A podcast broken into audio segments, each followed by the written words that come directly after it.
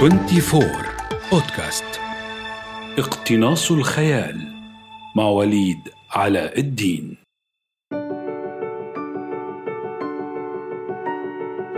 كتب يكتب كتابة وكتاب وهو كاتب.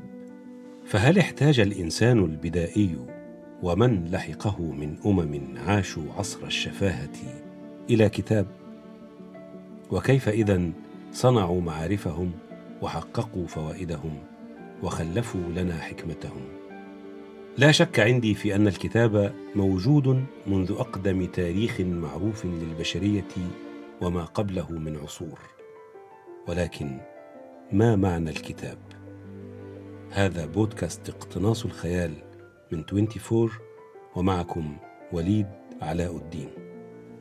من المهم أن نتوقف ولو سريعا أمام معنى الكتاب.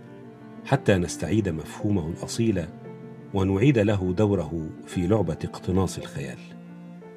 وقد قلنا إن الخيال هو الكنز المتفرد الذي يمتلكه كل إنسان وإن اقتناص هذا الخيال وتحويله إلى وسيط قابل للمشاركة مع الآخرين هو أساس عملية التواصل ووقود عمليات الإبداع في الفن أو في الأدب أو في العلوم. وبقدر تفرد خيال المرء وخصوبته وفهم الإنسان لوسائل تخصيب خياله وتغذيته وتمكنه من أدوات اقتناص هذا الخيال وصياغته في وسيط تشاركي بقدر ما تتميز تجربته وتنجح في الوصول إلى الآخرين. وبعد تكرار الأسف لعدم وجود معجم تاريخي لمفردات الكلام العربي فلنتجول سريعا كما فعلنا من قبل مع كلمة القراءة بينما ضمته المعاجم حول الأصل كتب لنعرف المقصود بالمفردة قبل أن تؤسر في مصطلح وتسقط بقية دلالاتها الأصيلة فتصاب وظيفتها في تخصيب الخيال بالخلل. ماذا تقول المعاجم عن الفعل كتب؟ كتب الناقة خزم منخريها بشيء لئلا تشم البو والبو هو ولد الناقة. كتب السقاء ونحوه خرزه بسيرين كاكتتبه. كتب القربة شدها بالوكاء. الإكتاب شد رأس القربة. اكتتب بطنه أي أمسك. المكتوتب المنتفخ الممتلئ. الكتيبه الجيش أو الجماعة من الخيل كتبها تكتيبا أي هيأها تكتبوا تجمعوا والكتبة السير يخرز به وما يكتب به حياء الناقة لئلا ينزى عليها وهو سير من الجلد مثلا يضم وجهي الشيء كالأنف أو العضو التناسلي للناقة. الخلاصة التي يمكن أن نلاحظها بسهولة من كل ما ورد وغيره مما لم نذكر لضيق الوقت أن الكتابة ليست فقط فعل تمرير قلم أو ريشة على الصفحات بحبر أو بغيره لرسم أصوات الحروف بغرض حفظ ما تشير إليه من دلالات ومعاني. وإن كان هذا الفعل هو فعل كتابة بلا شك.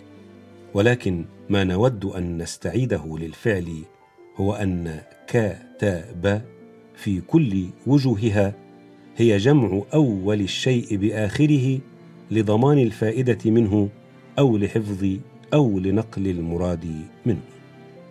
ومن ذلك يمكننا أن نأخذ دلالة حفظ المعنى أو اكتمال المعنى أو اكتمال المقصود وتمامه. ومن هنا جاء مصطلح الكتاب. وهو مكتوب يصدر لبيان معنى معين وواضح وقد اصطلح على تسمية الرسالة المكتملة بالكتاب والمخطوط المكتملة صحفه جمعا بالكتاب والكتاب المقدس في الديانات ما حمل اسم الكتاب بألف ولام التعريف إلا لأنه في شرع أصحابه المكتمل جمعا ومعنى. والكتاب كذلك هو الأجل لأنه اكتمال رحلة العمر وتمامها زمنا وقيمة ومعنى. وقد وردت المفردة بهذا المعنى في القرآن الكريم كما وردت كذلك بمعنى التجربة الكلية للإنسان في حياته بعد اكتمالها. اقرأ كتابك كفى بنفسك اليوم عليك حسيبا. لدينا الآن ما يجعلنا نقول بأن الكتاب في معناه البدئي هو كل مصدر بيانات يؤدي معنى. أو مكتمل المعنى بغض النظر عن قيمة هذا المعنى أو موقفنا منه اختلفنا معه أو اتفقنا. وفي حلقتنا السابقة قلنا إن القراءة هي تتبع الأجزاء في محاولة للوصول إلى المعنى. بدت جلية الآن حتمية الارتباط بين القراءة كفعل والكتاب كوسيلة أو مصدر يقع عليه الفعل. ولكن بعد أن حررنا مصطلح الكتاب من أسر التصور الضيق الذي لا يرى فيه إلا مخطوطا اكتملت صفحاته ليصبح كل وسيلة تسعى لحفظ معنى ونقله. لا يجوز أن نظل نحصر فعل القراءة في الكتاب بهذا المعنى الضيق إنما تتسع القراءة لتشمل كل وسيلة تحمل معنى. تعالوا نضرب أمثلة. وأظنكم ستستكملون القائمة التي ستطول لكل ما يمكن اعتباره كتابا يمكن قراءته وصولا إلى المعنى لصناعة العقل وتخصيب الخيال. الصحف المدونة كتاب. الكلمات المسموعة كتاب.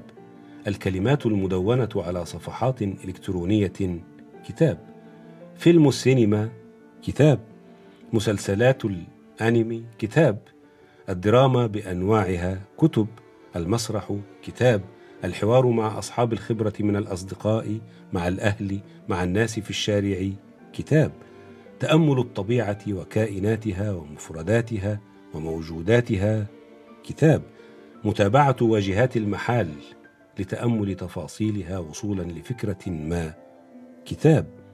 مراقبة الكون وكائناته فضولا أو تساؤلا أو اعجابا أو تعجبا. كتاب. ضع من عندك كل ما يشمله الكون من كتب تحمل معان وتصلح للقراءة بمعنى التأمل في تفاصيلها وصولا إلى معناها. ولا شك في أن القائمة ستطول. ولكن إذا كان الكون كله كتبا وفق هذه الطريقة في الطرح وإذا كانت وسيلتنا للتواصل مع هذه الكتب هي حواسنا فهل الأمر متروك هكذا بلا شروط؟ وهل القراءة فعل لا إرادي يحدث تلقائيا مثلما تحدثنا عن اختزان الذاكرة لكل ما تلتقطه الحواس؟ أم أن القراءة فعل ينبغي أن يحدث بقصد ووعي وإرادة؟ هذا سؤال مهم. يقودنا للحديث عن القراءة بوصفها منهجا للتفكير وعن العقل القارئ. وكيفية تكوينه وتشغيله وهو ما سنتحدث عنه في حلقتنا المقبلة من بودكاست اقتناص الخيال.